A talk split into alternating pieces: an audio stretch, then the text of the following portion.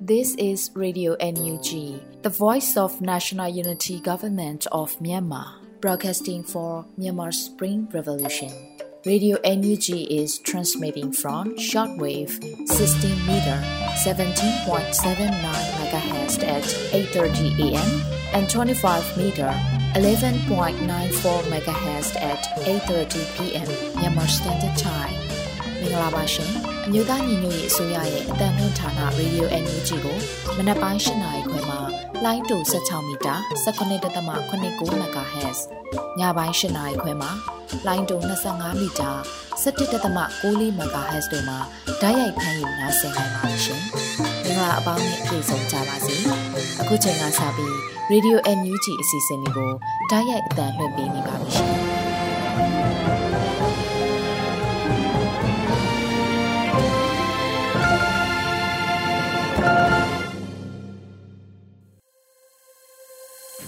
မင်္ဂလာနံနက်ခင်းပါရှင်ရေဒီယို NUG ဝနာဆင်နေကြတဲ့မိဘပြည်သူများနဲ့မြန်မာနိုင်ငံသူနိုင်ငံသားအပေါင်းတဘာဝဘေးဆရာနာရှင်ဘေးတို့ကနေကင်းဝေးပြီးကိုစိတ်နှပါဘေးကင်းလုံခြုံကြပါစေလို့ရေဒီယို NUG အဖွဲ့သားများကဆုတောင်းမေတ္တာပို့သလိုက်ပါတယ်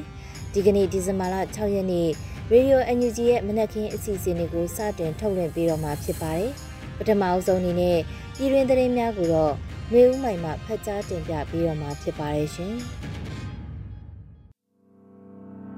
မင်္ဂလာပါရှင်အခုချိန်ကစပြီး Radio UNG ရဲ့ဒီဇင်ဘာလ6ရက်နေ့မနက်ခင်းပြည်တွင်သတင်းများကိုဖတ်ကြားပေးပါတော့မယ်ကျွန်မကတော့ຫນွေဦးမိုင်ဖြစ်ပါတယ်ရှင်ပထမဆုံးသတင်းအနေနဲ့မြန်မာနိုင်ငံနဲ့နယ်နိမိတ်ချင်းထိစပ်နေတဲ့တရုတ်အိန္ဒိယနဲ့ထိုင်းနိုင်ငံတို့ရဲ့သဘောထားနဲ့အခမ်းကဏ္ဍကိုအလေးထားသုံးသပ်ပြီးနယူးဒေါ်လာရဲ့အထောက်ပံ့ဖြစ်ကောင်းဖြစ်အောင်စူးစမ်းကြဖို့ UNG ယာယီသမ္မတတိုက်တွန်းတဲ့သတင်းကိုတင်ပြပေးပါမယ် မြန်မာနိုင်ငံနဲ့နေနမိတ်ချင်းထိစပ်နေတဲ့တရုတ်အိန္ဒိယနဲ့ထိုင်းနိုင်ငံတို့ရဲ့အခမ်းကဏ္ဍနဲ့၎င်းတို့ရဲ့သဘောထားတွေဟာအရေးကြီးတဲ့အခမ်းကဏ္ဍမှာရှိနေတာကြောင့်အလေးအနစ်ထားလေးလာသုံးသပ်ပြီးနှွေးဦးတော်လှန်ရေးအတွက်အထောက်ပံ့ကောင်းတွေဖြစ်အောင်ဝိုင်းဝန်းစ조사ကြဖို့ဒီဇင်ဘာလ9ရက်နေ့ကကျင်းပတဲ့အမျိုးသားညီညွတ်ရေးအစိုးရအဖွဲ့ရဲ့38ကြိမ်မြောက်အစိုးရအဖွဲ့စည်းဝေးမှာအမျိုးသားညီညွတ်ရေးအစိုးရယာယီသမရဒူဝါလက်ရှိလာကတိုက်တွန်းပြောကြားလိုက်ပါတယ်။ ကျွန်တော်တို့အနေနဲ့ကမ္ဘာနိုင်ငံရေးအခြေအနေနဲ့နိုင်ငံတကာနိုင်ငံရေးရာသီဥတုကိုကြည့်ပြီးပြည်တွင်းရေးအခြေအနေတွေကိုတိုးတက်သောခြေလှမ်းတွေလှမ်းနိုင်အောင်လှုံ့ဆော်နေဖို့လိုပါတယ်။ဒါအပြင်ကျွန်တော်တို့နိုင်ငံနဲ့ပထဝီအားဖြင့်ထိစပ်နီးကပ်နေတဲ့ဒေသတွင်းနိုင်ငံတွေရဲ့သဘောထားနဲ့ပြုမှုဆောင်ရွက်ချက်တွေကိုလည်းအထူးအလေးထားစမ်းစစ်လေ့လာပြီးနယူးတော်လှန်ရေးအတွက်ထောက်ပံ့ကောင်းဖြစ်အောင်စ조사လှုပ်ဆောင်နေဖို့လိုပါတယ်လို့ယာယီသမရကပြောပါတယ်။ သိမကြခင်နှွေးတော်လှန်ရေးဟာ၃နှစ်တင်းတင်းပြည့်မြောက်တော့မှာဖြစ်ပါတယ်။ကျွန်တော်တို့ဖြတ်တန်းလာတဲ့တော်လှန်ကာလအတွင်းမှာတဆင့်ချင်းစီတက်လှမ်းနိုင်ခဲ့တဲ့နိုင်ငံရေးခြေလှမ်းတွေရှိခဲ့ပါတယ်။ဆက်လက်ပြီးတိုးတက်သောနိုင်ငံရေးအခင်းကျင်းမျိုးဖော်ဆောင်နိုင်ဖို့အတွက်မိမိတို့ရဲ့ပြည်တွင်းရေးအခြေအနေကိုဗဟိုချက်ထားပြီးကြည်တာမျိုးမလုပ်ဘဲဒေသတွင်းနိုင်ငံတွေနဲ့စစ်ဆိုင်ရေးအနေအထားကိုပါအလေးထားလှုပ်ဆောင်ကြဖို့လဲ၎င်းကအတိပေးပြောကြားခဲ့ပါတယ်။ အထူးသဖြင့်တရုတ်ထိုင်းနဲ့အိန္ဒိယနိုင်ငံတွေရဲ့သဘောထားဟာကျွန်တော်တို့နိုင်ငံရဲ့ပြည်တွင်းရေးအခြေအနေပေါ်အများကြီးတက်ရောက်မှုရှိနေပါတယ်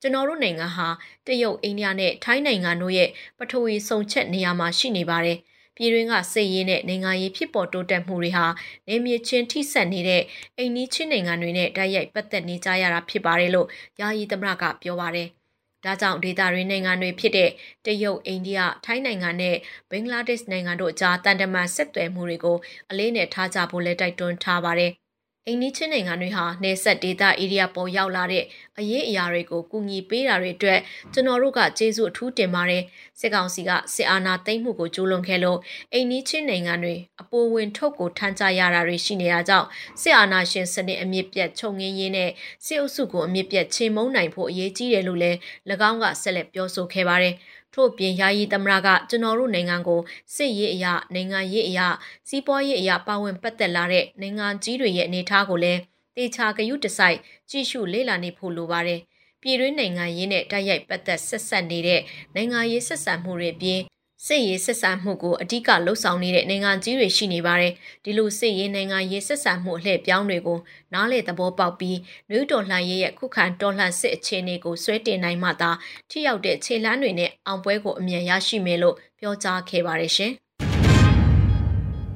ဆက်လက်ပြီးအမျိုးသားမှုရဲ့စေဝါထိန်ချုပ်ရေးမူဝါဒမူကြမ်းကိုအစိုးရကက်ဘိနက်အစည်းအဝေးမှာတင်ပြဆွေးနွေးတဲ့သတင်းကိုတင်ပြပါမယ်။ အမျိုးသားမှုရဲ့စေဝါထိန်ချုပ်ရေးမူဝါဒမူကြမ်းကိုအမျိုးသားရင်ငွေရေးအစိုးရ38ကြိမ်မြောက်အစိုးရအဖွဲ့ကက်ဘိနက်အစည်းအဝေးမှာတင်ပြဆွေးနွေးခဲ့လို့သိရပါတယ်။ဒီဇင်ဘာလ9ရက်နေ့မနက်10:00နာရီမှာကျင်းပပြုလုပ်ခဲ့တဲ့38ကြိမ်မြောက်ကက်ဘိနက်အစည်းအဝေးကိုယာယီသမရဒူဝါလက်ရှိလာပြည်ထောင်စုဝန်ကြီးချုပ်မန်းဝင်းခိုင်တန်းတို့အပါအဝင်ပြည်ထောင်စုဝန်ကြီးတွေဒုဝန်ကြီးတွေတက်ရောက်ခဲ့ကြပါတယ်။အစည်းအဝေးမှာနိုင်ငံခြားရေးရာဝန်ကြီးဌာနကဂျပန်ခရီးစဉ်နဲ့ပတ်သက်ပြီး တင်ပြတာနဲ့ပြည်ထရေးနဲ့လူမှုကြီးကြပ်ရေးဝန်ကြီးဌာနကမိုးရစေဝါနဲ့စိတ်ကူပြောင်းလဲစေသောစေဝါများအနေတားဆီးကာကွယ်ရေးဗဟိုအဖွဲ့ကိုစားအမျိုးသားမိုးရစေဝါထိန်းချုပ်ရေးမူဝါဒမူကြမ်းတင်ပြဆွေးနွေးမှုတွေကိုပြုလုပ်ခဲ့ကြပါတယ်။အဲ့နောက်မှာပြည်ထောင်စုဝန်ကြီးချုပ်ကတင်ပြလာတဲ့အချက်တွေကိုပြန်လည်ရှင်းလင်းဆွေးနွေးခဲ့ပြီးယာယီသမရကြီးကနေကုန်းချုပ်အမှားစကားပြောကြားခဲ့ကအစည်းအဝေးကိုရုပ်သိမ်းခဲ့လို့တင်ရရှိပါရရှင်။ ကြာကာလဒေသန္တရပြည်သူ့အုပ်ချုပ်ရေးဖော်ဆောင်မှုဗဟိုကော်မတီနဲ့စကိုင်းတိုင်းရှိမြို့နယ်ပြည်သူ့အုပ်ချုပ်ရေးဖွဲ့များတွိတ်ဆုံဆွေးနွေးပွဲကျင်းပပြုလုပ်တဲ့တဲ့ရင်ကိုဆက်လက်တင်ပြပါမယ်။အမျိုးသားရင်ငွေရေးအစိုးရကြာကာလဒေသန္တရပြည်သူ့အုပ်ချုပ်ရေးဖော်ဆောင်မှုဗဟိုကော်မတီနဲ့စကိုင်းတိုင်းအတွင်းရှိမြို့နယ်ပြည်သူ့အုပ်ချုပ်ရေးဖွဲ့များတွိတ်ဆုံဆွေးနွေးပွဲအစည်းအဝေး49မြင်းဆောင်2023ကိုနိုဝင်ဘာလ4ရက်နေ့နေ့လယ်3နာရီအချိန်မှာကျင်းပပြုလုပ်ခဲ့လို့သိရပါတယ်။ အစည်းအဝေးတွင်ဂျာကာလပြည်သူ့ချုပ်ရေးဖော်ဆောင်မှုဗဟိုကော်မတီအဖွဲ့ဝင်အလုသမားဝင်ကြီးဌာနပြည်ထောင်စုဝင်ကြီးနိုင်သူဝနမှအဖွဲ့မှစကားပြောကြားခဲ့ပါတယ်။ဆက်လက်ပြီးရခင်အပတ်မှရှေလုပ်ငန်းစဉ်များနဲ့ပတ်သက်လို့ရှင်းလင်းပြောကြားခဲ့ပြီးမြို့နယ်ပြည်သူ့အုပ်ချုပ်ရေးဖွဲ့ဝင်များမှမူဝါဒလိုင်းညွှန်ချက်များလုပ်ငန်းဆောင်ရွက်ချက်များမြေပြင်အခက်အခဲများအပေါ်သိရှိလိုတဲ့အချက်များကိုမေးမြန်းဆွေးနွေးခဲ့ကြကာ ဝန်ကြီးဌာနတာဝန်ရှိသူများမှပြန်လည်ဖြေကြားပေးခဲ့ပါတယ်။ထို့နောက်ဂျာကာလာဒေသန္တရပြည်သူ့ချုပ်ရေးဖော်ဆောင်မှုဗဟိုကော်မတီအဖွဲ့ဝင်ပညာရေးကြားမိုင်ဝန်ကြီးဌာနပြည်အောင်စုဝန်ကြီးဒေါက်တာဇော်ဝေဆုံးမှညီကုန်းချုပ်စကားပြောကြားခဲ့ပါတယ်။အစည်းအဝေးတွင်ပြည်ထောင်စုဝန်ကြီးများအမြဲတမ်းအတွင်းဝင်များတွဲဖက်အမြဲတမ်းအတွင်းဝင်များဌာနဆိုင်ရာမှတာဝန်ရှိသူများစကိုင်းတိုင်းရှိမြို့နယ်ပြည်သူ့ချုပ်ရဲ့အဖွဲ့ခေါင်းဆောင်များအဖွဲ့ဝင်များတက်ရောက်ခဲ့ကြပြီးညနေ6နာရီအချိန်မှာရန်နာခဲ့လို့သိရှိရပါတယ်ရှင်။ အင်တာနက်ဒီလူထု၏ဆက်သွယ်ရေးလက်နက်ဖြစ်တယ်လို့ပြည်ထောင်စုဝန်ကြီးဦးထင်လင်းအောင်ဆိုတဲ့သတင်းကိုဆက်လက်တင်ပြပါမယ်။ဒီဇင်ဘာလ9ရက်မှာကျင်းပတဲ့ Federal Net Campaign နဲ့ပတ်သက်၍စကားဝိုင်းဆွေးနွေးပွဲတွင်ပြည်ထောင်စုဝန်ကြီးဦးထင်လင်းအောင်ကအခုလိုဆိုပါတယ်။အင်တာနက်ဒီလူထု၏လက်နက်ဖြစ်တယ်။ဘလို့လက်နက်လဲဆိုတော့ဆက်သွယ်ရေးလက်နက်ဖြစ်တယ်။ဘယ်စစ်ပွဲမှာပဲကြည့်ကြည့် ဆက်သွယ်ရေးဆက်သားတွေဆက်သွယ်ကဏ္ဍတွေလှမ်းပြီးသတင်းပေးနိုင်မှုတွေတယောက်နဲ့တယောက်သတင်းလက်ဦးမှုတွေဟာစစ်ပွဲတိုင်းတိုက်ပွဲတိုင်းကဏ္ဍတိုင်းမှာအရေးပါတာဖြစ်တယ်။ရန်သူရဲ့သတင်းကိုကြိုရနိုင်ဖို့ဆက်သွယ်လိုအပ်တယ်လို့ဆိုပါတယ်။အမျိုးသားညီညွတ်ရေးအစိုးရဆက်သွယ်ရေးသတင်းအချက်လက်နဲ့ဤပညာဝန်ကြီးဌာနကမြို့နယ်9မြို့နယ်တွင်အင်တာနက်တိုးချဲ့တက်ဆင်နိုင်ရန်ရည်ရွယ်၍ Federal Net Campaign လှုပ်ဆောင်နေရလို့သတင်းရရှိပါရယ်။ Federal Net Campaign ရဲ့ကနဦးတိဆောက်ဖို့လိုအပ်ချက်ဖြစ်တဲ့မြို့နယ်9မြို့နယ်အတွက် American Dollar 1.5သိန်းလိုအပ်မှာဖြစ်ပါတယ်ရှင်။ဆက်လက်ပြီးပြည်ထရေးနဲ့လူမှုကြီးကြပ်ဝင်ကြီးဌာနပြည်သူ့ရဲတပ်ဖွဲ့နဲ့စက်ကိုင်းမကွဲပြည်သူ့လုံခြုံရေးအဖွဲ့များတွေ့ဆုံဆွေးနွေးပွဲပြုလုပ်တဲ့သတင်းကိုတင်ပြပေးပါမယ်။ အမျိုးသားညီညွတ်ရေးအစိုးရပြည်ထောင်နဲ့လူမှုကြီးကြပ်ဝင်ကြီးဌာနပြည်သူ့ရဲတပ်ဖွဲ့နဲ့စကိုင်းတိုင်းမကွေးတိုင်းရှိပြည်သူ့လုံခြုံရေးအဖွဲ့များတွေ့ဆုံဆွေးနွေးပွဲအမှတ်စဉ်48မြင်းဆောင်2023ကိုဒီဇင်ဘာလ9ရက်နေ့မနေ့10:00နာရီအချိန်မှာကျင်းပပြုလုပ်ခဲ့လို့သိရပါတယ်။အစည်းအဝေးတွင်ပြည်ထနဲ့လူမှုကြီးကြပ်ဝင်ကြီးဌာနအမြဲတမ်းအတွင်းဝင်မှအဖွဲ့မတ်စကားနဲ့ရှေ့လုပ်ငန်းစဉ်များကိုရှင်းလင်းပြောကြားခဲ့ပါတယ်။ ထို့နောက်ပြည်သူ့ရဲတပ်ဖွဲ့ရဲချုပ်မှနှုတ်ခွန်းဆက်စကားပြောကြားခဲ့ပြီးတက်ရောက်လာတဲ့ပြည်သူ့လုံခြုံရေးအဖွဲ့ခေါင်းဆောင်များမှလုံခြုံရေးနဲ့တရားဥပဒေစိုးမိုးရေးဆောင်ရွက်နေမှုများဥပဒေဆိုင်ရာသိရှိလိုတဲ့အချက်များမြေပြင်အခြေအနေခက်ခဲများအားတင်ပြဆွေးနွေးခဲ့ရာတွဲဖက်တွင်းဝင်တဲ့ပြည်သူ့ရဲတပ်ဖွဲ့မှတာဝန်ရှိသူများကတင်ပြချက်များကိုရှင်းလင်းပြောကြားခဲ့ပြီးလိုအပ်ချက်များကိုညှိနှိုင်းဖြည့်ဆည်းပေးခဲ့ပါတယ်။အစည်းအဝေးကိုပြည်ထနဲ့လူမှုကြီးကြပ်ဝင်ကြီးဌာန အမြဲတမ်းအတွင်းဝင်တွဲဖက်အမြဲတမ်းအတွင်းဝင်ပြည်သူ့အုပ်ချုပ်ရေးဦးစီးဌာနညွှန်ကြားရေးမှူးချုပ်ပြည်သူ့ရဲတပ်ဖွဲ့မှအရာရှိကြီးများနဲ့စကိုင်းတိုင်းမကွေတိုင်းအတွင်းရှိပြည်သူ့ကာကွယ်ရေးအဖွဲ့ခေါင်းဆောင်များတက်ရောက်ခဲ့ကြပြီးနေ့လယ်12နာရီချိန်မှာအစည်းအဝေးကိုအောင်မြင်စွာရန်နာခဲ့လို့သိရှိရပါတယ်ရှင်။ဆက်လက်ပြီးတက်တန်းစေ NUG bond ငွေတိုက်စာချုပ်များနဲ့ပတ်သက်ပြီးစီမံဆောင်ရွက်ထားရှိမှုကိုစီမံဘဏ္ဍာဝန်ကြီးဌာနမှအသိပေးခြင်းညာချက်ထုတ်ပြန်တဲ့သတင်းကိုတင်ပြပါမယ်။ အမျိုးသားညီညွတ်ရေးအစိုးရစီမံကိန်းဗဏ္ဍာရေးနဲ့ယင်းနှမြုပ်နှံမှုဝန်ကြီးဌာနမှတက်တန်းစစ်အစိုးရငွေတိုက်စာချုပ် AUG bonds များနဲ့ပတ်သက်ပြီးဆောင်ရွက်စီမံထားရှိမှုကိုဒီဇင်ဘာ9ရက်နေ့ကကြေညာချက်တစောင်ထုတ်ပြန်တည်ပေးလိုက်ပါတယ်။တက်တန်းစင်ငွေတိုက်စာချုပ်များကိုပြန်လည်ထုတ်ယူလိုတဲ့ငွေတိုက်စာချုပ်ပိုင်ရှင်များအနေဖြင့်ဝင်ကြီးဌာနစာမျက်နှာတွင်ဖော်ပြထားတဲ့ပြန်လည်ရွေးနှုတ်သည့်ပုံစံကဟာကြီးကိုမှန်ကန်စွာဖြည့်သွင်းရမှာဖြစ်ပါတယ်။ အဆိုပါပုံစံကဟာကြီးကိုအချက်လက်မှန်ကန်စွာဖြည့်သွင်းပြီးပါကနှစ်ပတ်မှလေးပတ်တွင်ရွေးနှုတ်ငွေများကိုနှွေဦးဖွံ့ဖြိုးရေးပါ SDP မှတစင်သုံးမဟုတ် UNG ပေးမှတစင်ပြန်လည်လွှဲပြောင်းပေးပို့သွားမယ်လို့ဆိုပါတယ်။ငွေတိုက်စာချုပ်ကိုဆက်လက်တက်တန်းတိုးလို့သူများအနေဖြင့်ဘာမှတီးခြားဆောင်ရွက်ရမလို့ပဲမိမိတို့လက်ဝဲရှိငွေတိုက်စာချုပ်ကိုဆက်လက်သိမ်းဆည်းထားရုံဖြင့်တနှစ်တဒန်တိုးသွားမှာဖြစ်တယ်လို့ထုတ်ပြန်ချက်ရသိရပါတယ်။ငွေတက်စာချုပ်ကိုမျိုးသားညီညွတ်ရေးအစိုးရမှရောင်းချလက်ရှိရဲ့ မြေကွက်တိုက်ခန်းရှယ်ယာများအဖြစ်လွှဲပြောင်းလိုသူများအနေနဲ့လည်းပုံစံကဟာကြီးကိုဖြည့်သွင်းရမလို့အပဲဆောင်ရွက်ရမယ့်နီလန်များကိုတီးတန့်ကျင်းညာချက်ထုတ်ပြန်အသိပေးသွားမှာဖြစ်တယ်လို့စီမံဘဏ္ဍာဝန်ကြီးဌာနမှအသိပေးထားပါတယ်ရှင်။မြမရေးဆိုင်ရာမူဝါဒများနဲ့ဆက်လင်းပြီးဟောပြောဆွေးနွေးရန်ပမောက္ခဒေါ်မီမီဝင်းဘတ်ဂျပန်နိုင်ငံသို့ရောက်ရှိတဲ့တရင်ကိုနောက်ထပ်တင်ပြပေးပါမယ်။မြမအရေးဆိုင်ရာမူဝါဒများနဲ့ဆက်လင်းပြီးဟောပြောဆွေးနွေးရန်ပမောက္ခဒေါ်မီမီဝင်းဘတ် ဂျပန်နိုင်ငံသို့ရောက်ရှိနေပြီဖြစ်တယ်လို့အမျိုးသားညီညွတ်ရေးအစိုးရဂျပန်ကိုယ်စားလှယ်ရုံးကဒီဇင်ဘာ9ရက်မှာတည်ပြီးဆိုထားပါတယ်။အမေရိကန်ကာကွယ်ရေးဝန်ကြီးဌာနလုံခြုံရေးဆိုင်ရာအာရှပစိဖိတ်လေ့လာရေးဌာနအမေရိကန်ကာကွယ်ရေးတပ်ဖွဲ့ဒုတိယပူမှုကြီးငိမ်းပါမောက္ခဒေါက်တာဒေါ်မီမီဝမ်ပတ်တီဂျပန်နိုင်ငံတိုကျိုမြို့သို့ဒီဇင်ဘာ9ရက်အင်္ဂါနေ့တွင်ရောက်ရှိလာခဲ့ပါတယ်လို့ဆိုပါတယ်။ Asia Pacific Center for Security Studies ၌တာဝန်ထမ်းဆောင်လျက်ရှိသည့် ပါမောက္ခဒေါက်တာဒေါ်မီမီဝမ်ဘတ်မှမြန်မာနိုင်ငံ၏လက်ရှိအခြေအနေများရှေ့လာလာနဲ့အမေရိကအစိုးရ၏မြန်မာအရေးဆိုင်ရာမူဝါဒများနဲ့ဆက်လင်းပြီးဂျပန်နိုင်ငံအောက်လွှတ်တော်ရုံးအဆောက်အဦအမှတ်1၌ဟောပြောရန်နဲ့သဘောထားအမြင်ဖလှယ်သွားရန်တို့ရှိပါရဲ့ရှင်။ဆက်လက်ပြီးကြိုက်ထုံမျိုးနယ်တွင်စစ်ရင်တန်းကိုမိုင်းဆွဲတိုက်ခိုက်မှုစစ်ဗိုလ်အပါအဝင်9ဦးသေဆုံးတဲ့တရင်ကိုတင်ပြပါမယ်။ မွန်ပြည်နယ်ကြိုက်ထုံမျိုးနယ်မယန်းချောင်ကွာရီအပိုင်လမ်းကွေမှာစစ်ကောင်စီရင်တန်းကိုမိုင်းဆွဲတိုက်ခိုက်ခဲ့ရာသုံးပွင့်ဘိုးအပါအဝင်စစ်ကောင်စီတပ်ဖွဲ့ဝင်9ဦးသေဆုံးသွားတယ်လို့ကြိုက်ထိုတော်လှန်ရေးအင်အားစု KRF ကထုတ်ပြန်ပါတယ်။ဒီဇင်ဘာလ၄ရက်နေ့ညနေ၄နာရီခန့်အချိန်ကဘီလင်းမြို့နယ်ဖက်ကနေရန်ကုန်ဖက်ထွက်လာတဲ့စစ်ကား9စီးကိုကြိုက်ထုံမြို့နယ်မယန်းချောင်းကွာရီအပိုင်လမ်းကွေမှာ မိုင်းဆွဲတိုက်ခိုက်ခဲ့ရလို့သိရပါတယ်။အဆိုပါစစ်ရင်တန်းကိုလက်လုံမိုင်းအကြီးနှလုံးနဲ့မိုင်းဆွဲတိုက်ခိုက်ခဲ့ရာသုံးစီးမြောက်ကားပျက်စီးသွားကမောင်းပြေးသွားပြီးအခြားကားပေါ်ကစစ်သားတွေကတနက်တွေနဲ့ပတ်ဝန်းကျင်ကိုပြစ်ခတ်မှုတွေပြုလုပ်ခဲ့လို့အတိပေးထားပါတယ်။မိုင်းထိသွားတဲ့ကားကိုစစ်တောင်းတရာကိုကျော်လွန်ပြီး မြစ်တစ်ဖက်ကရောက်ချိန်မှာတေဆုံးသွားတဲ့သုံးပွင့်ဖို့အပါဝင်9ဦးနဲ့ဒဏ်ရာရထားသူ6ဦးကိုချထားခဲ့ပြီးကား9စီးသာရန်ကုန်ဘက်ဆက်မောင်းသွားရလို့သိရပါတယ်။မိုင်းဆွေးတိုက်ခိုက်ခံလိုက်ရတဲ့နေရာကိုစစ်တောင်းတရာဂိတ်နဲ့မုတ်ပလင်လန်းဆောင်ဂိတ်တို့ကနေလက်နက်ကြီးတွေနဲ့ပစ်ခတ်ခဲ့ပြီးမြပြည်သူ့ကာကွယ်ရဲဘော်တွေထိခိုက်မှုမရှိခဲ့ဘူးလို့ကြိုက်ထိုတော်လှန်အင်အားစု KRF ကထုတ်ပြန်ထားပါတယ်။အဆိုပါမိုင်းဆွဲတိုက်ခိုက်မှုကိုကြိုက်ထိုတော်လှန်အင်အားစု KRF KNU KNLA တပ်မဟာ1တပ်ရင်း3 Tiger Group နဲ့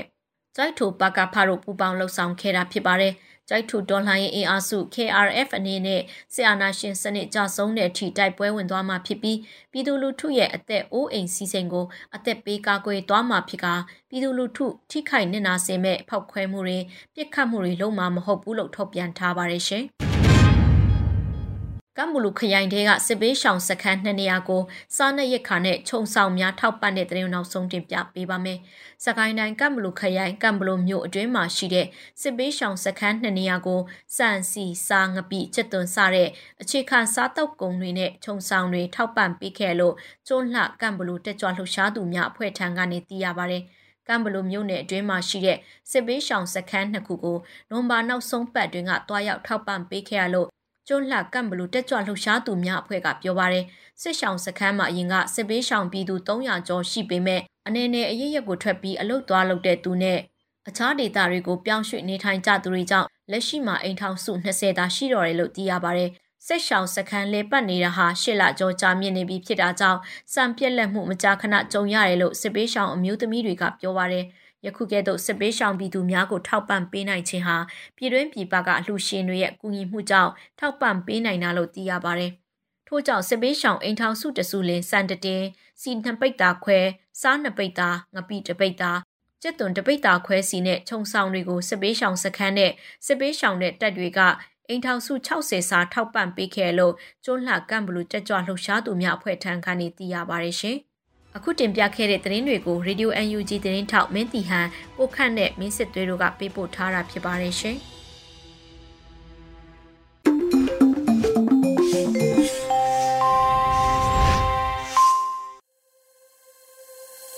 ရေဒီယိုအန်ဂျီမှဆက်လက်အသံလွှင့်ပေးနေပါတယ်။အခုတစ်ခါမှာတော့ဇော်တူး CDN ပြည်သူ့ပန်းနိုင်ရေးသားထားတဲ့ပြက်သုံးချင်းပြက်ယုံနဲ့အင်အားဖြစ်တင်းချင်းတတိထားရမည့်အကြောင်းလို့အမည်ရတဲ့စောင်းပါတစ်ပုဒ်ကို တခင်အန်ကတင်ဆက်ထားတာကိုနားဆင်ရမှာဖြစ်ပါတယ်ရှင်။တော်လိုင်းတပ်ပေါင်းစုတွေရဲ့အောင်မြေချက်ထွင်ခြင်းနဲ့ထိန်းချုပ်မှုနယ်မြေတွေတနည်းထက်တနည်းပိုပိုများပြားလာတာနဲ့အမျှစစ်ကောင်စီတပ်လက်အောက်ခံတနည်းအားဖြင့်အုပ်ချုပ်ခံလူဒန်းစားတွေဖြစ်တဲ့အောက်ခြေအရာရှိငယ်တွေနဲ့စစ်တီများပင်မကပဲနဲ့တချို့အခြေချရာဌာနချုပ်တွေနေရာတွေကမိသားစုတွေလိုက်ပဲပြည်သူရင်ဝင်ခိုးလုံလာတာကို နေ့စဉ်နဲ့မျှကြားမြင်တွေ့ရှိနေကြရပါတယ်။တစ်တုံညနှစ်ခွန်တစ်လေးလုံးစစ်စင်ရေးတွေစတင်ပြီးတဲ့နောက်မှာတိုင်းရင်းသားတပ်တွေပြည်သူ့ကာကွယ်ရေးတပ်ဖွဲ့တွေကလည်းနေ့စဉ်လိုလိုစစ်ကောင်စီတပ်စခန်းရဲစခန်းမစုတ်တန်းခံစီစခန်းတွေကိုသိမ့်ပိုက်လာတာဒါမကပဲနဲ့အခြေချတရင်တပ်ဖွဲ့တွေစစ်ဗျူဟာတွေအထိသိမ့်ပိုက်အောင်ပွဲခံတဲ့အထိအပြင်တိုက်စစ်အဟုန်ကိုပုံမိုပြီးတော့အရှိန်မြင့်လှုပ်ဆောင်လာတာကိုတွေ့ရှိရမှာဖြစ်ပါတယ်စစ်ကောင်စီဟာ အခုဆိုရင်ဟန်ကိုဖို့ဆိုတဲ့သဘောနဲ့အရှိတရားတိုင်းမဖော်ပြဝင်ပဲအရှုံးကိုလစ်လူရှုဥပက္ခပြုကာလေချောင်းပစ်ကူအစမတန်အသုံးပြုလာခြင်းသာမကပဲဓာရုအစိမ့်ငွေဘုံတွေကိုပင်ပေါ်ပေါ်ထင်ထင်အသုံးပြုလာပြီးစီရေးပြစ်မှတ်မဟုတ်တဲ့မြို့နယ်ကြီးရွာစာတင်ကျောင်းများနဲ့ဘာသာရေးအဆောက်အအုံများစေဘေးရှောင်စခန်းတွေကိုပါပြစ်မှတ်ထားတိုက်ခိုက်လာတာကိုအားလုံးတွေ့မြင်ကြမှာဖြစ်ပါတယ်။မြေပြင်မှာ အင်အားအလွန်ချိနဲ့လာတဲ့အခါစစ်ကောင်စီခေါင်းဆောင်ဟာယခုဆိုရင်သူတို့ရဲ့လေယုံတက်တွေဖြစ်တဲ့စူဆောင်းရေးတက်ထောက်ပို့တက်စေးတက်တက်ထိန်တက်စောက်လို့ရေးတက်ကပ္ပစလို့ခေါ်တဲ့ကာကွယ်ရေးပစ္စည်းထုတ်တပ်တွေမှာရှိတဲ့အရာရှိစစ်တီတွေကိုရသမျှထုတ်နှုတ်ပြီးရှမ်းမြောက်ချင်းပြည်စကိုင်းမကွေးကရင်နီမွန်တနင်္သာရီကချင်စတဲ့စစ်မျက်နှာအသီးသီးကို တက်ကြီးစစ်တီတွေကိုပါမချမ်းပို့ဆောင်အင်အားဖြည့်တင်းနေတာကိုမြင်တွေ့နေကြရမှာဖြစ်ပါတယ်စစ်ကောင်စီရဲ့အဓိကကြတဲ့တိုက်ခိုက်ရေးတပ်တွေဖြစ်တဲ့ခြေလင်းခြေမြန်တပ်တွေဟာပြုံးတိအင်အားဖြစ်တဲ့သေဆုံးထိခိုက်ဒဏ်ရာရပြည်သူရင်ဝင်ခိုးဝင်အခြားနည်းနဲ့ထွက်ပြေးစတဲ့ခေါင်းစဉ်တွေနဲ့ပြုံးတိအင်အားဟာထင်မှတ်မထားတာတဲ့လွန်ကဲစွာဖြစ်ပေါ်နေတာကြောင့်စစ်ကောင်စီခေါင်းကြီးပိုင်းတွေဟာစိုးရွံ့သွေးပြက်ပြီးကြံရမရစောက်တီရမဲစွာနဲ့ သူတို့ရဲ့တက်တွင်းမိသားစုသားသမီးတွေစစ်မှုရဟောင်းတွေကိုပဲအရေးပေါ်စစ်တင်တန်းတွေပေးပြီးနေ့ဘက်မှာလေ့ကျင့်ညဘက်မှာတက်လုံကြုံရေးပြုလုပ်နေရတဲ့အပြင်မြို့နယ်တွင်းမှာရှိတဲ့စစ်မှုရဟောင်းတွေကိုလည်းသူတို့ရဲ့ဩဇာကန်တွေဖြစ်တဲ့ပြူစောတီကြက်ဖွတ်တွေကိုလက်နဲ့တက်ဆင်ပေးမြို့နယ်ကြေးရွာတွေမှာရှိတဲ့စစ်သားရဲသားများနဲ့ပူးပေါင်းကအင်အားရှိစီအောင်လုံခြုံရေးဆောင်ရွက်နေကြရပါတယ်။ရခင်ခေါင်းဆောင်တွေနီလန်အတိုင်းပဲစစ်ကောင်စီခေါင်းဆောင်များရဲ့ အလွန်အင်ပတန်မှအောက်တန်းကျရုပ်မာတဲ့အင်အားဖြည့်တင်းသည့်တစ်ခုကတော့မြန်မာနိုင်ငံအရရက်မှာရှိတဲ့အကျဉ်းထောင်တွေကလူသက်မရိန်ခိုးဆိုးလူရဲ့မူရစ်စေဝါသမားတွေကိုပြစ်မှုတွေကနေကင်းလွတ်စေပြီးစစ်ယူနီဖောင်းဝတ်လက်နက်တွေတပ်ဆင်ပြီးစစ်မျက်နှာအသီးသီးကိုစစ်သားရဲသားများနဲ့ပူးပေါင်းကမြို့နယ်ကြေးရွာတွေကိုမီးရှို့လူသက်မရင်းကျင့်လိုင်စင်ပေးပြီးအင်အားဖြည့်စီလွန်ခြင်းပဲဖြစ်ပါတယ်အဓိကအားဖြင့်တင်ပြလိုတာက ယခုရပိုင်းအတွင်းမှာရန်ကုန်မန္တလေးအေရဝတီပဲခူးပြည်မနာနေပြည်တော်စတဲ့မြို့တွေမှာကုမ္ပဏီအလုပ်ရှိတယ်လို့လိန်ညာပြီးလူမှုမီဒီယာကနေလမ်းစည်းပေးခေါ်တာရောက်ရှိလာတဲ့အခါနီလန်မျိုးစုံနဲ့ချင်းချောက်ပါတပ်သားတစ်အဖြစ်အတင်းအာရမလက်မှတ်ထိုးစီပြီးစစ်သားစုဆောင်းနေခြင်းပဲဖြစ်ပါတယ်။ဒီထက်ပိုဆိုးတာကစက်ရုံအလုပ်ရုံတွေမှာနေညအလုပ်ဝင်ရတဲ့လူငယ်တွေကိုရဲရက်ကြီး စစ်သားပူးပေါင်းအဖွဲ့တွေကနေညအချိန်မီအကြောင်းမျိုးစုံပြဖမ်းဆီးပြီးအဆက်အသွယ်ဖြတ်ခါစစ်တပ်နန်းကျောင်းတွေကိုပို့ဆောင်နေခြင်းကားဂိတ်ယထာဘူတာဈေးစတဲ့နေရာတွေမှာအမေးအမြတ်မရှိပဲဖုံးကိုစစ်ဆေးပြီးဖမ်းဆီးခြင်းပြင်အသက်မပြည့်သေးတဲ့လူငယ်တွေငွေကြေးတက်နိုင်တဲ့လူငယ်တွေကိုတော့ငွေ10သိန်းကနေ30အထိပေးနိုင်မှပြန်လွတ်စေတာမျိုးတွေရက်ကြီးတွေမှာအဲစင်းကိုအကြောင်းပြပြီး လူငယ်တွေကိုမိဘတွေရှေ့မှာအကြောင်းမျိုးမျိုးပြကဖမ်းဆီးစစ်တပ်နန်းတက်ရောက်စစ်သားစုဆောင်းနေခြင်းပဲဖြစ်ပါတယ်ဒီလိုလုံရက်တွေဟာလက်ရှိစစ်မြေပြင်မှာတိုင်းရင်းသားတပ်တွေနဲ့ပြည်သူ့ကာကွယ်ရေးတပ်များရဲ့ထိုးစစ်အဟုန်ကိုရှင်းပြိုင်နိုင်စွာလုံးဝလုံးဝမရှိတော့တဲ့စစ်မြေပြင်မှာရှိတဲ့စစ်ကောင်စီတပ်တွေကိုအထက်ကတင်ပြခဲ့တဲ့အကျဉ်းသားအာရမဖမ်းဆီးခံရတဲ့လူငယ်များနဲ့အင်အားရှိတဲ့အကြံရမရစောက်တီရမဲ့ မတော်မတရားဥပဒေမဲ့စွာသေတွင်းကိုပို့ဆောင်နေခြင်းပဲဖြစ်ပါတယ်။မြည်တော့ပင်ကျုံဝါဟန်လုတ်နေစေကမူစစ်ကောင်စီတပ်ဟာပေါက်ကျင်ပမာခေါင်းကြီးကိုသေးဖြစ်ပြီးအောက်ခြေမခိုင်ပြိုလဲပြတ်သုံးနေပြီဖြစ်သည်ကိုရေးသားတင်ပြလိုက်ရပါတယ်။ဆောင်းမရှင်ဇော်ထူး CDM ပြည်သူ့ပန်နိုင်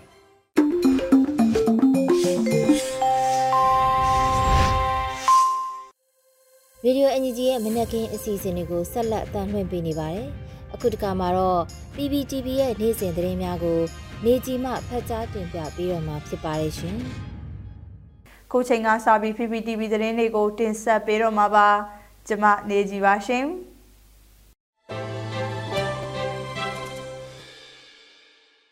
ပထမဆုံးတင်ဆက်ပေးမယ့်သတင်းကတော့မြို့သားညီညွတ်ရေးဆိုရာ38ကြိမ်မြောက်အစိုးရအဖွဲ့အစည်းအဝေးပြုလုပ်တဲ့သတင်းပါ။ မြို့သားညီညွတ်ရေးဆိုရရဲ့38ကြိမ်မြောက်အစိုးရအဖွဲ့အစည်းအဝေးကိုဒီကနေ့မနက်10:00နာရီမှာပြုလုပ်ခဲ့ကြပါတယ်။အစည်းအဝေးကိုယာယီသမ္မတဒူဝါလာရှိလာပြည်အောင်စုဝင်ကြီးချုပ်မန်ဝင်းခန်တန်းအပါဝင်ပြည်အောင်စုဝင်ကြီးတွေဒုဝင်ကြီးတွေတက်ရောက်ခဲ့ကြပါတယ်။အစည်းအဝေးမှာယာယီသမ္မတဒူဝါလာရှိလာကအဖွင့်မိန်ခွင်းပြောကြားခဲ့ပြီးနောက်ပြည်အောင်စုဝင်ကြီးချုပ်ကမိန်ခွန်းပြောကြားခဲ့တာပါ။ ယာယီသမ္မတဒူဝါလာရှိလာကတိတ်မကြခင်ຫນွေဥတော်လန်ရေးဟာ၃နှစ်တင်းတင်းပြင်းမြောက်တော်မှာဖြစ်ပါတယ်။ကျွန်တော်တို့ဟာဖြတ်တန်းလာတဲ့တော်လှန်ရေးကာလအတွင်းမှာတဆင်ချင်းစီတက်လန်းနိုင်ခဲ့တဲ့နိုင်ငံရေးခြေလှမ်းတွေရှိခဲ့ပါတယ်။ဆက်လက်ပြီးတော့တိုးတက်သောနိုင်ငံအခင်းအကျင်းမျိုးကိုဖော်ဆောင်နိုင်ဖို့အတွက်မိမိတို့ရဲ့တိုင်းပြည်အခြေအနေကိုဗဟိုချက်ထားပြီးကြည်တာမျိုးမလုပ်ဘဲဒေတာအတွင်းနိုင်ငံရေးဆက်ဆံအနေထားကိုသာအလေးထားပြီးကြည့်ရှုဆောင်ရွက်ဖို့လိုအပ်ပါတယ်လို့ပြောကြားပါတယ်။ ပြောင်စုဝင်ကြီးချုပ်မန်ဝင်းခိုင်တန်းကတော်လန်ရေးရဲ့အရှိန်ကမြ мян ဆက်ဆက်အရွေ့တဟုန်သွားနေတာမို့တစ်ဖက်ကနိုင်ငံရေးအရအစုအဖွဲ့လိုက်တွဲဆောင်ဆွေးနွေးရမှာအပြင်မြို့သားညီညွတ်ရေးဆိုရရဲ့ရည်တည်ချက်တွေကိုခိုင်ခိုင်မာမာပြောဆိုဆွေးနွေးနိုင်ဖို့အတွက်လည်းကျွန်တော်တို့မြို့သားညီညွတ်ရေးဆိုရအတွင်းမှာကိုပဲကြည်ကြည်လဲလဲတိုင်ပင်ဆရာတွေလည်းအများကြီးရှိနေမှာဖြစ်ပါတယ်။ပြီးခဲ့တဲ့အပတ်ကစကိုင်းတိုင်းအတွင်းစစ်ရှိန်မြင့်နေတဲ့မြို့နယ်တချို့ကို ကြားကာလာဒေသနာပြည်သူ့အုပ်ချုပ်ရေးဖော်ဆောင်မှုဗဟိုကော်မတီနဲ့တွဲဆုံဆွေးနွေးမှုတွေပြုလုပ်ခဲ့ကြတဲ့အတွက်မြို့နယ်ချင်းစီရဲ့မြေပြင်အခြေအနေအသေးစိတ်ကိုသိရှိရပြီးလိုအပ်ချက်တွေကိုလည်းကူညီပံ့ပိုးနိုင်ဖို့ဆွေးနွေးနိုင်ခဲ့ကြတာအလွန်ပင်ကောင်းမွန်ပါတယ်လက်တလုံးမှာမြေပြင်မှာစီမံခန့်ခွဲမှုခက်ခဲနေတဲ့နန်းစီရီယန်ဆိုင်ရာကိစ္စရပ်တွေကိုလည်းကျွန်တော်တို့အချိန်မီညွှန်ကြားချက်တွေကိုထုတ်ပြန်နိုင်ခဲ့တာမို့ဒီညွှန်ကြားချက်တွေကိုအတိုင်းစီမံခန့်ခွဲမှုလုပ်နေကြတာလို့လည်းသိရပါတယ် ကျန်တဲ့မြို့နယ်တွေကိုလည်းညွှန်ကြားချက်တွေနဲ့အညီစီမံခန့်ခွဲနိုင်အောင်တာဝန်ရှိသူတွေနဲ့တေချာကြက်မှတ်ဆောင်ရွက်ပေးစေချင်ပါတယ်လို့ပြောကြားလိုက်ပါတယ်။ဒါအပြင်စီမံကိန်းဗန်နာရေးနဲ့ယင်းနှိမ့်မြုပ်နှံမှုဝန်ကြီးဌာနရဲ့ဦးဆောင်မှုနဲ့အတူ ADB ဟာပြီးခဲ့တဲ့26ရက်နေ့မှာအမေရိကန်ဒေါ်လာ10သန်းတန်ဖိုးစုရှယ်ယာများအောင်မြင်စွာရောင်းချနိုင်ခဲ့ကြောင်းဒီအောင်မြင်မှုဟာဝန်ကြီးဌာနတစ်ခုတည်းမဟုတ်ပဲ စီရေးမဟာမေးရေးစတဲ့အောင်မြင်မှုများကနေတစေလူတို့ရဲ့တော်လန်မှုအပေါ်ယုံကြည်သက်ဝင်မှုပြဖို့တစ်ခုလည်းဖြစ်ကြောင်းနဲ့အဘက်ဘက်ကနေနေညမအားတာဝန်ထမ်းဆောင်နေကြတဲ့အစိုးရအဖွဲ့ဝင်များဝိုင်းဝန်းကူညီပေးကြသူများကိုလည်းအထူးပင်ကျေးဇူးတင်ကြောင်းပြောကြားထားပါတယ်။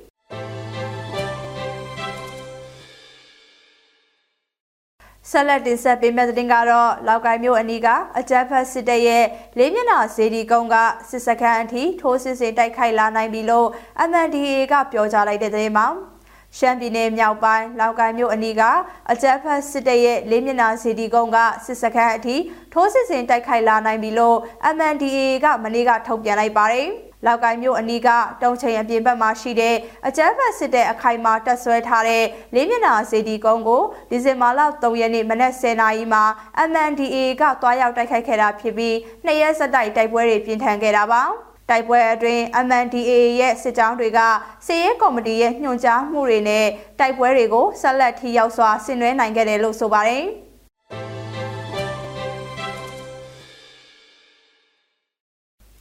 အခုတင်ဆက်ပေးမှာကတော့ရှမ်းပြည်နယ် PDF တရင်ကတရင်တီထောင်ချင်းနှစ်နှစ်ပြည့်ခမ်းနားပြုလုပ်ခဲ့တဲ့တဲ့မှာ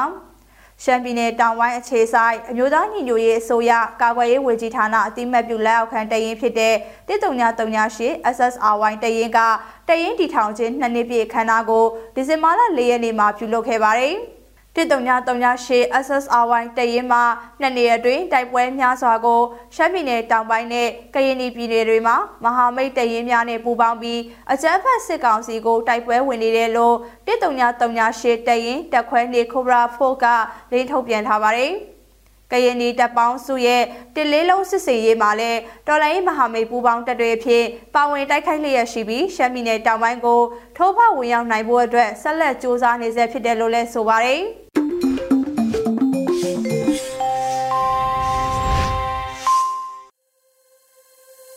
ဒီကနေ့ရဲ့နောက်ဆုံးအစီအစဉ်အနေနဲ့တော်လန်ရေးတေဂီတာမှာတော့ရေးမီကိုရိုင်းရေးတီဆူထားတဲ့ Victory Revolution လို့အမည်ရတဲ့တေးသချင်းကိုနားဆင်ရမှာဖြစ်ပါတယ်ရှင်။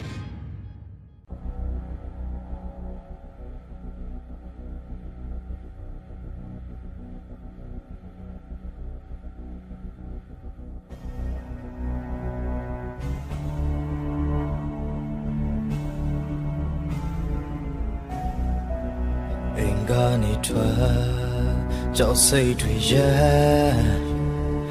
မာနေပြီသားတို့ရေသမီးတို့ရေကယူဆိုင်ပါအတွက်လန်ထွန်းနေလေမြမပြေမှာခွေးမျိုးတွေမျိုးတုံအောင်တိုက်ခိုက်နေတယ်ငါတို့လေအသက်နဲ့ခဏနဲ့ နောက်ချိုးလေးရှိရတော့ပေးစနေကြရဲ့ဒီသူတွေစိတ်ဓာတ်တွေတင်မဲ့သွေးအေးရင်ခွမ်းမလုံးငါတို့ကြွငါတို့ပဲရှိရဲ့အစိုးရတိုင်းပဲဒါတိုင်းပဲဒါတိုင်းဝင်မဲ့ရဲ့ရှိ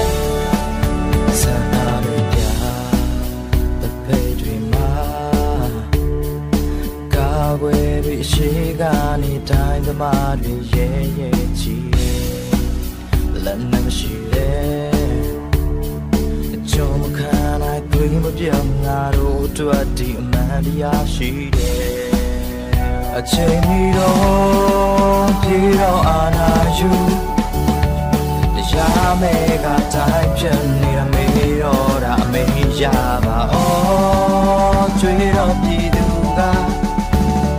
တနပ်ပြ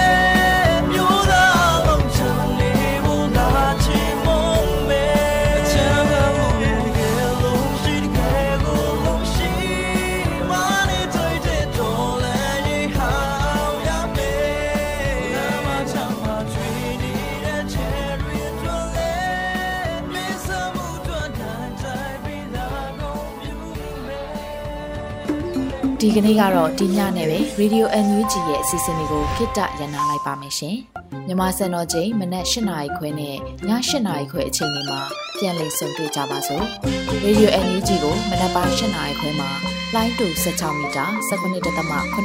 MHz ညပိုင်း၈နာရီခွဲမှာလိုင်းတူ25မီတာ17.6 MHz တို့မှာဓာတ်ရိုက်ဖမ်းလို့နိုင်စေနိုင်ပါပြီ။ မြန်မာနိုင်ငံသူနိုင်ငံသားတွေကိုစိတ်နှပြကျန်းမာချမ်းသာလို့ဘေးကင်းလုံခြုံကြပါစေလို့ Radio NUG အဖွဲ့သူဖွဲ့သားတွေကဆုတောင်းမြတ်တာပို့တာလာရပါတယ်ရှင်။မြေသားညီမတွေအစိုးရရဲ့စက်သွေးရေးသတင်းအချက်အလက်တွေပညာဝန်ကြီးဌာနကထုတ်လွှင့်နေတဲ့ Radio NUG ဖြစ်ပါတယ်။ San Francisco Bay Area အခြေစိုက်မြန်မာမိသားစုတွေနဲ့နိုင်ငံတကာကစေတနာရှင်လို့အားပေးနေတဲ့ Radio NUG ဖြစ်ပါတယ်။အရေးတော်ပုံအောင်ရမည်